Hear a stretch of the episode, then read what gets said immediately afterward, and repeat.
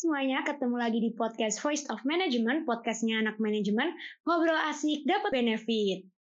Halo teman-teman Wolfman, gimana nih kabar kalian semua? Semoga dalam keadaan sehat terus ya. Seneng banget nggak sih podcast form kali ini balik lagi buat nemenin kalian di tengah kehektikan kuliah, organisasi, dan kesibukan lain yang cuma bisa dilakuin di rumah aja. Meskipun dalam kondisi kayak gini, tetap semangat ya teman-teman Wolfman. Dan tenang aja nih, hari ini kita bakal ajak kalian buat bahas obrolan seru, tapi tetap berbenefit bagi kalian semua. Nah, sebelum kita mulai ngobrolnya, aku mau kenalan dulu nih. Kenalin, aku Alia Perlia Rahmanu, staff dari Entrepreneur and Networking Department of HMJM FEBUB. Next, kita bakal kenalan bareng dua narasumber yang kece banget. Siapa sih anak HMJM yang nggak tahu dua orang ini? Wow, wow, wow, wow. Tuh, suaranya aja udah pada rusuh banget nggak sih? Pada bisa nebak nggak itu suara siapa? Kalau gitu, langsung aja kita ajak kenalan narasumber kita di podcast hari ini. Halo Kak M, halo Kak Zaki. Halo. Oke, boleh kenalan diri dulu nih Kak. Mungkin dari Kak M dulu. Oke, halo semuanya. Perkenalkan aku Miftah Irsyad, bisa dipanggil Miftah. Aku Director dari Departemen EM. Mungkin Jaki? Oke, salam kenal Kak M. Selanjutnya mungkin ke Kak Zaki. Oke, terima kasih Alia. Halo semuanya, aku Zaki Maulana Sumantri, bisa dipanggil Zaki. Di sini aku sebagai networking uh, manager di EN. Gitu. Wow. Salam kenal Kak Zaki. Mm -mm. Kalau boleh tahu lagi pada sibuk apa sih Kak akhir-akhir ini? Mungkin dari KM dulu. Oke, kalau akhir-akhir ini sih paling aku sibuk organisasi aja sama kuliah sama aku ada magang juga sih. Wah, keren banget sih emang produktif banget KM ini. Selanjutnya mungkin dari Kak Zaki. Silakan Kak. Kalau kalau aku sih lebih ke arah sibuk ini ya mantengin LinkedIn-nya Mifta ya. Dia ini sibuk banget soalnya. Berarti emang Kak Zaki ini observatif banget ya orangnya suka ngamatin Oke, karena udah kenalan nih, BTW kalian tahu nggak sih kita mau ngapain rame-rame hari ini? Kita bertiga rame-rame di sini bukan mau tawuran atau mau debat ya guys. Jadi hari ini kita bakal ngobrol santai sambil nostalgia masa lalunya kedua narasumber kita nih. Yang pastinya relate sama topik bahasan kita hari ini yaitu EN Wannabe and Entrepreneur. So, jangan skip podcast ini dan dengerin sampai akhir ya. Aku mau nanya nih, Kak. Setahu aku, KM dan Kak Zaki ini dulu jadi staf magang di EN HMJM. Bisa diceritain nggak sih pengalamannya mulai dari kesibukan awal-awal magang dan gimana cara kalian buat membagi waktu antara kuliah dan organisasi? Mungkin bisa dari KM dulu buat cerita nih. Oke, mungkin kalau aku, aku mulai dari job desk dulu kali ya. Dulu tuh aku pas staf magang dan awal jadi staf tetap itu aku jadi PJ dari Kopilah kan. Nah, di Kopilah itu job deskku jadi barista setiap pagi sebelum kelas uh, pasti aku mulai aku beli es dulu tuh di veteran. Habis itu lanjut buka kopilahnya dan nunggu pesanan. Pesenannya juga lumayan banyak gitu loh setiap jaga bisa 5 sampai 20 gelasan lah kira-kira. Kebayang gak sih gimana capeknya? Mungkin keringetku udah ngebanjirin GKM kali ya. Waduh. Oke okay, oke. Okay. mungkin kalau ngebagi waktu antara kuliah dan organisasi aku pilih sesuai prioritas aku sih. Contohnya dulu waktu aku magang itu, uh, aku yang tadinya rajin ospek jadi nggak pernah ospek lagi. Sampai akhirnya waktu itu aku hmm. nggak lulus. Ini beneran, tapi jangan dicontoh ya, daripada kalian ospek, ulang ospek lagi. Al dari aku. Wah. Keren sih KM. Wah udah jadi staff magang ada, jadi staff magang aja udah bisa jadi barista nih. Mungkin ke Kak Zaki nih gimana nih Kak pengalaman waktu jadi staff magang? Oke, kalau aku itu kebetulan waktu itu beda di divisi sama Mista. Aku itu kan waktu itu networking ya, jadi magang. Nah, dulu aku job desk-nya itu sebagai uh, eh, PJ dari partnership. Dulu pas awal magang, awal keterima aku langsung ketemu tuh sama owner bisnis gitu buat ngomongin apa namanya kerjasama kerjasama gitu. Jadi kayak seru banget sih waktu dulu untuk ngebagi kuliahnya sama kayak Miftah sih, uh, tergantung prioritas. Tapi kebetulan waktu itu nggak terlalu sehektik itu sih pas aku magang gitu. Al. Oh, berarti selama staf magang ini masih bisa lah ya buat bagi-bagi waktu antara kuliah dengan uh, kegiatan di staf magang ini. Nah, kaget nggak sih Kak awal-awal masuk kuliah udah mulai sibuk di organisasi. Belum lagi dapat tugas kuliah yang banyak banget gitu kan. Kalau Kak Zaki gimana tuh Kak? Kalau aku sih jujur nggak kaget ya, soalnya emang ekspektasi aku dulu masuk ke organisasi ya memang bakal kayak gini, kayak gitu. Jadi kayak ya udah memperkirakan lah sebelum masuk kalau misalnya ini loh nanti bakal kayak gini loh. Jadi nggak kaget sih kalau aku ya. Wah berarti masih sesuai ekspektasi ya. Kalau KM gimana nih kak? Kalau aku sih kebalikannya Zaki ya, kaget banget jujur. Gimana tuh M kagetnya? Kagetnya tuh kayak Wah, gitu. Gak, gak, gak, bercanda, bercanda. Tapi emang ngabisin tenaga banget sih sebenarnya. Tapi nggak apa-apa karena benefit yang didapatkan juga banyak. Apalagi seru banget tuh organisasi offline. Wah, cakep nih. Emang kayak yang kita tahu, BODEN 2 ini cukup ambis dan produktif ya, guys. Nah, aku mau nanya lagi nih, Kak. Karena tadi udah diceritain gitu kan pengalaman pas jadi staff magang. Sekarang aku kepo nih ada nggak sih perbedaan vibes dari ngejalanin job desk EN waktu kuliah offline dan kuliah online? Maklum lah ya, karena emang angkatan aku nih belum nginjakin kaki di kampus gitu. Sedih banget nggak sih? Kasian banget Aduh, jadi kelihatan ngenes nih aku. Mungkin mungkin dari Kak Zaki dulu nih mau ceritain. Oke, kalau tadi perbedaan vibes ya.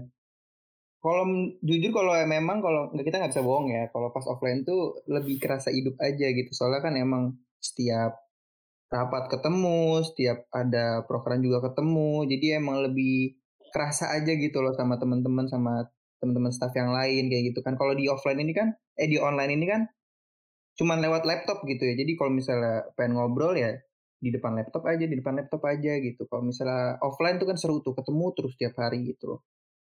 Jadi emang kerasanya di situ sih ya. Berarti emang sosialisasinya kurang gitu ya kak kalau online gini nih. Hmm. Oke, mungkin lanjut ke KM nih kak. Oke, sama sih kayak Jaki sebenarnya. Uh, vibes tuh pasti beda banget uh, apa yang aku rasain ya.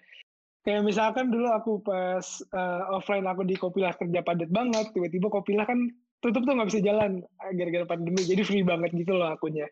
Yang tadi ya sibuk jadi nggak ngapa-ngapain. Jadi kayak sebenarnya senang gak sibuk tapi sedih juga karena nggak bisa ngerasain serunya organisasi offline sih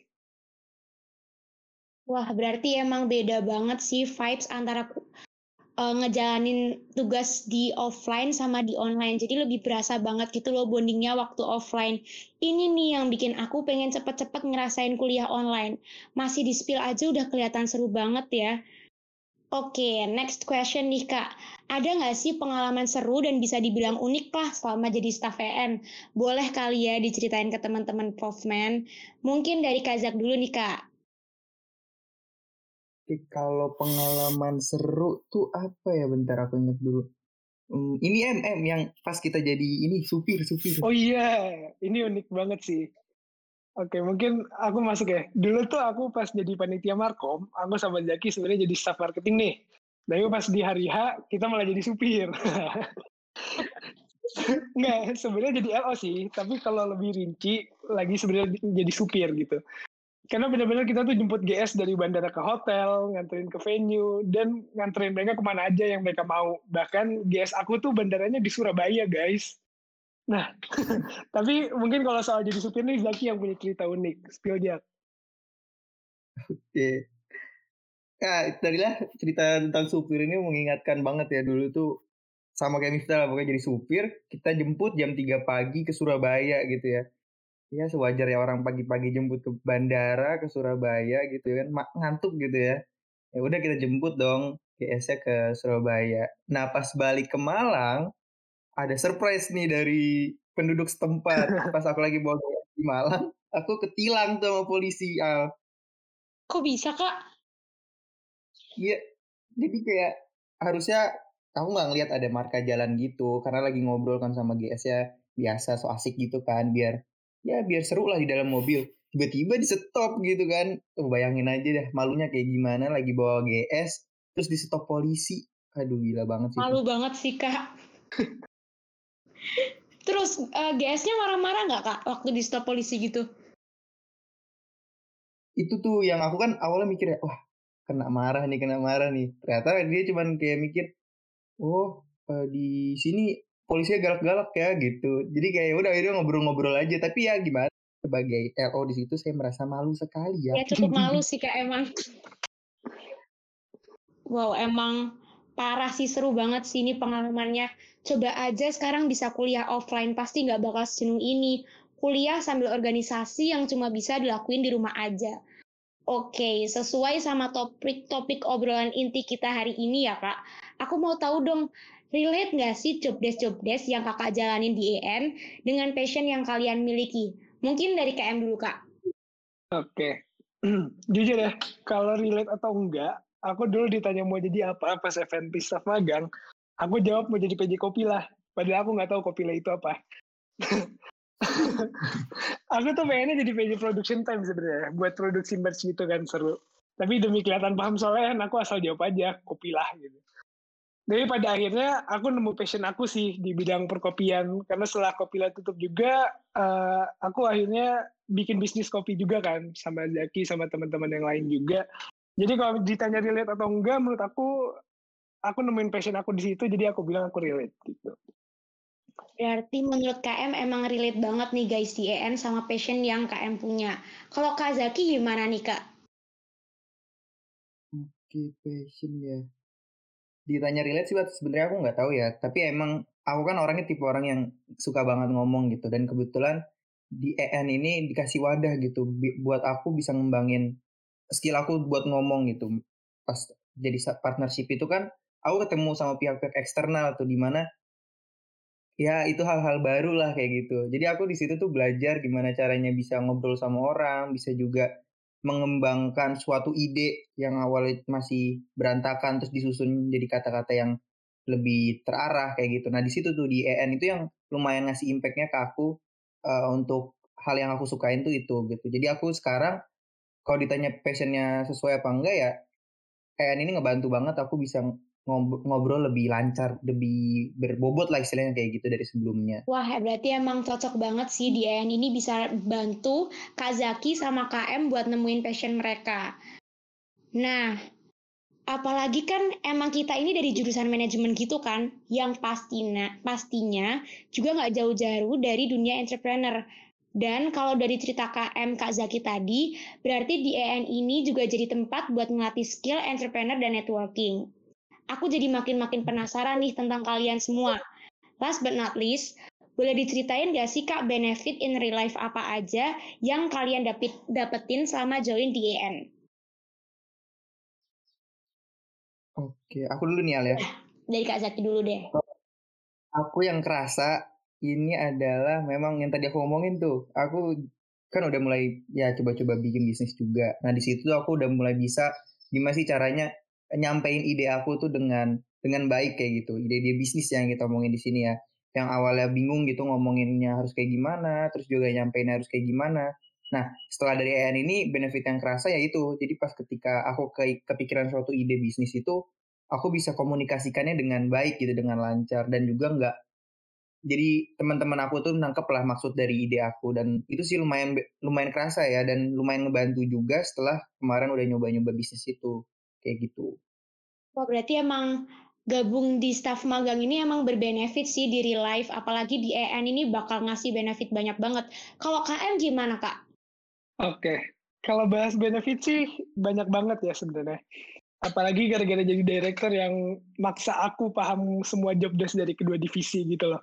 Kayak aku tinggal milih aja, pengen bisnis apa, bisnis kopi bisa, bisnis fashion bisa, bisnis merch juga bisa Terus uh, apalagi paham soal sponsorship atau partnership juga, terus sebelum bisnis juga paham buat riset pasar dulu, dan yang terakhir aku juga paham cara nge-handle sosial media. Intinya adalah uh, dapat ilmu atau insight lah untuk ngebangun dan ngelola bisnis. Wah emang sih berbenefit banget yang bisa aku tangkep sih berarti emang berbenefit banget buat gabung di EN atau di staf magang HMJM. Apalagi dari cerita KM dan Kak Saki tadi, jadi belajar jaga kedai di kopi lah, akhirnya bisa coba buat bisnis kopi sendiri yang pastinya bisa ngasilin cuan. Keren banget nggak sih? Emang dengan ikut-ikut organisasi kayak gini nih, soft skill kita bisa terlatih gitu dan pastinya bakal ngasih manfaat lebih sih buat kehidupan kita. Oke, terakhir nih Kak Cila, nggak kerasa banget nggak sih udah di akhir bahasan. Boleh banget nih KM atau Kak Zaki kasih sepatah dua kata buat teman-teman Fofman. Boleh kali ya dari KM dulu. Oke, dari aku ya. Closing statement dari aku buat Fofman adalah uh, kalian gak harus join EN buat ngebangun bisnis sendiri. Ilmu tentang bisnis itu bisa didapetin di mana aja dan dari siapa aja. Kalian bisa pilih wadah yang kalian mau dan kalian suka pokoknya semangat terus dalam mengasah diri kalian, khususnya dalam bidang kewirausahaan. Wah, tuh guys dari KM, kalau ilmu bisnis tuh bisa didapetin dari mana aja. Terus kalau Kak Zaki gimana nih Kak untuk pesan pesannya buat temen-temen nih? Ya pesan dari aku ya, um, ya pokoknya di mana pun kalian berada, selama dapat kesempatan dimaksimalkan karena aku aja nggak nyangka sih kalau misalnya efek dari aku join suatu organisasi ini bisa imbasnya ke aku yang sekarang kayak gitu. Contohnya kayak tadi aku bisa ini salah satu contoh yang nggak kerasa ya itu adalah relasi relasi join organisasi aku jadi punya partner-partner bisnis yang baru kayak gitu jadi di mana pun kalian berada dimaksimalkan karena ke depannya itu kalian bakal dapetin sesuatu yang kalian nggak nggak expect lah kayak gitu pokoknya maksimalkan terus yang kesempatan yang kalian dapat mau di mana pun mau di nggak di EN atau nggak di, di organisasi lain atau di mana pun tapi ya pokoknya apa pun itu skillnya pasti bakal berguna buat ke depannya kayak gitu ah. Wow, emang nggak salah pilih sih Mas Lu dan Mbak Ai. Karena emang cakep banget dua BODN ini bisa banget manfaatin peluang dari join di EN sampai akhirnya bikin mereka jadi lebih tahu terkait entrepreneur dan networking. So, pastinya juga lumayan banget sih bisa nambahin income buat diri sendiri. Oke, jadi yang bisa aku simpulin di obrolan podcast kali ini, teman-teman bisa manfaatin peluang di organisasi apa pun atau di kegiatan apa pun, dan bisa banget buat tambah soft skill yang ingin kalian miliki. Dan jangan lupa tuh tadi pesan dari KM sama Kak Zaki, kalau kita tuh harus bisa memanfaatkan kesempatan apa pun, supaya nantinya bisa menghasilkan buat diri kita sendiri dan juga orang lain. Yah, nggak kerasa kita udah ada di penghujung podcast form episode kali ini nih. Padahal seru banget nggak sih obrolan hari ini? Thank you ya KM, Kak Zaki mau berbagi cerita dan pengalaman-pengalaman serunya di podcast Voice of Management. Semoga apa yang kita obrolin hari ini bisa bermanfaat juga ya bagi teman-teman Fofman semuanya. Sukses terus KM dan Kak Zaki. Jangan lupa nih nanti hmm. kalau udah jadi entrepreneur yang sukses dan jago di bidang marketing, buat ajakin satu HMJM nongki bareng di coffee shop kalian. Oke, aku juga mau ucapin makasih ke teman-teman Wolfman yang udah stay dengerin episode kali ini sampai akhir. See you on the next episode of Voice of Management. Jangan lupa buat follow at HMJMFEBUB dan Spotify kita ya. Karena bakal banyak lagi episode yang seru dan berbenefit di episode selanjutnya. Oke, thank you guys for hearing this episode and bye-bye. Bye-bye. Bye-bye.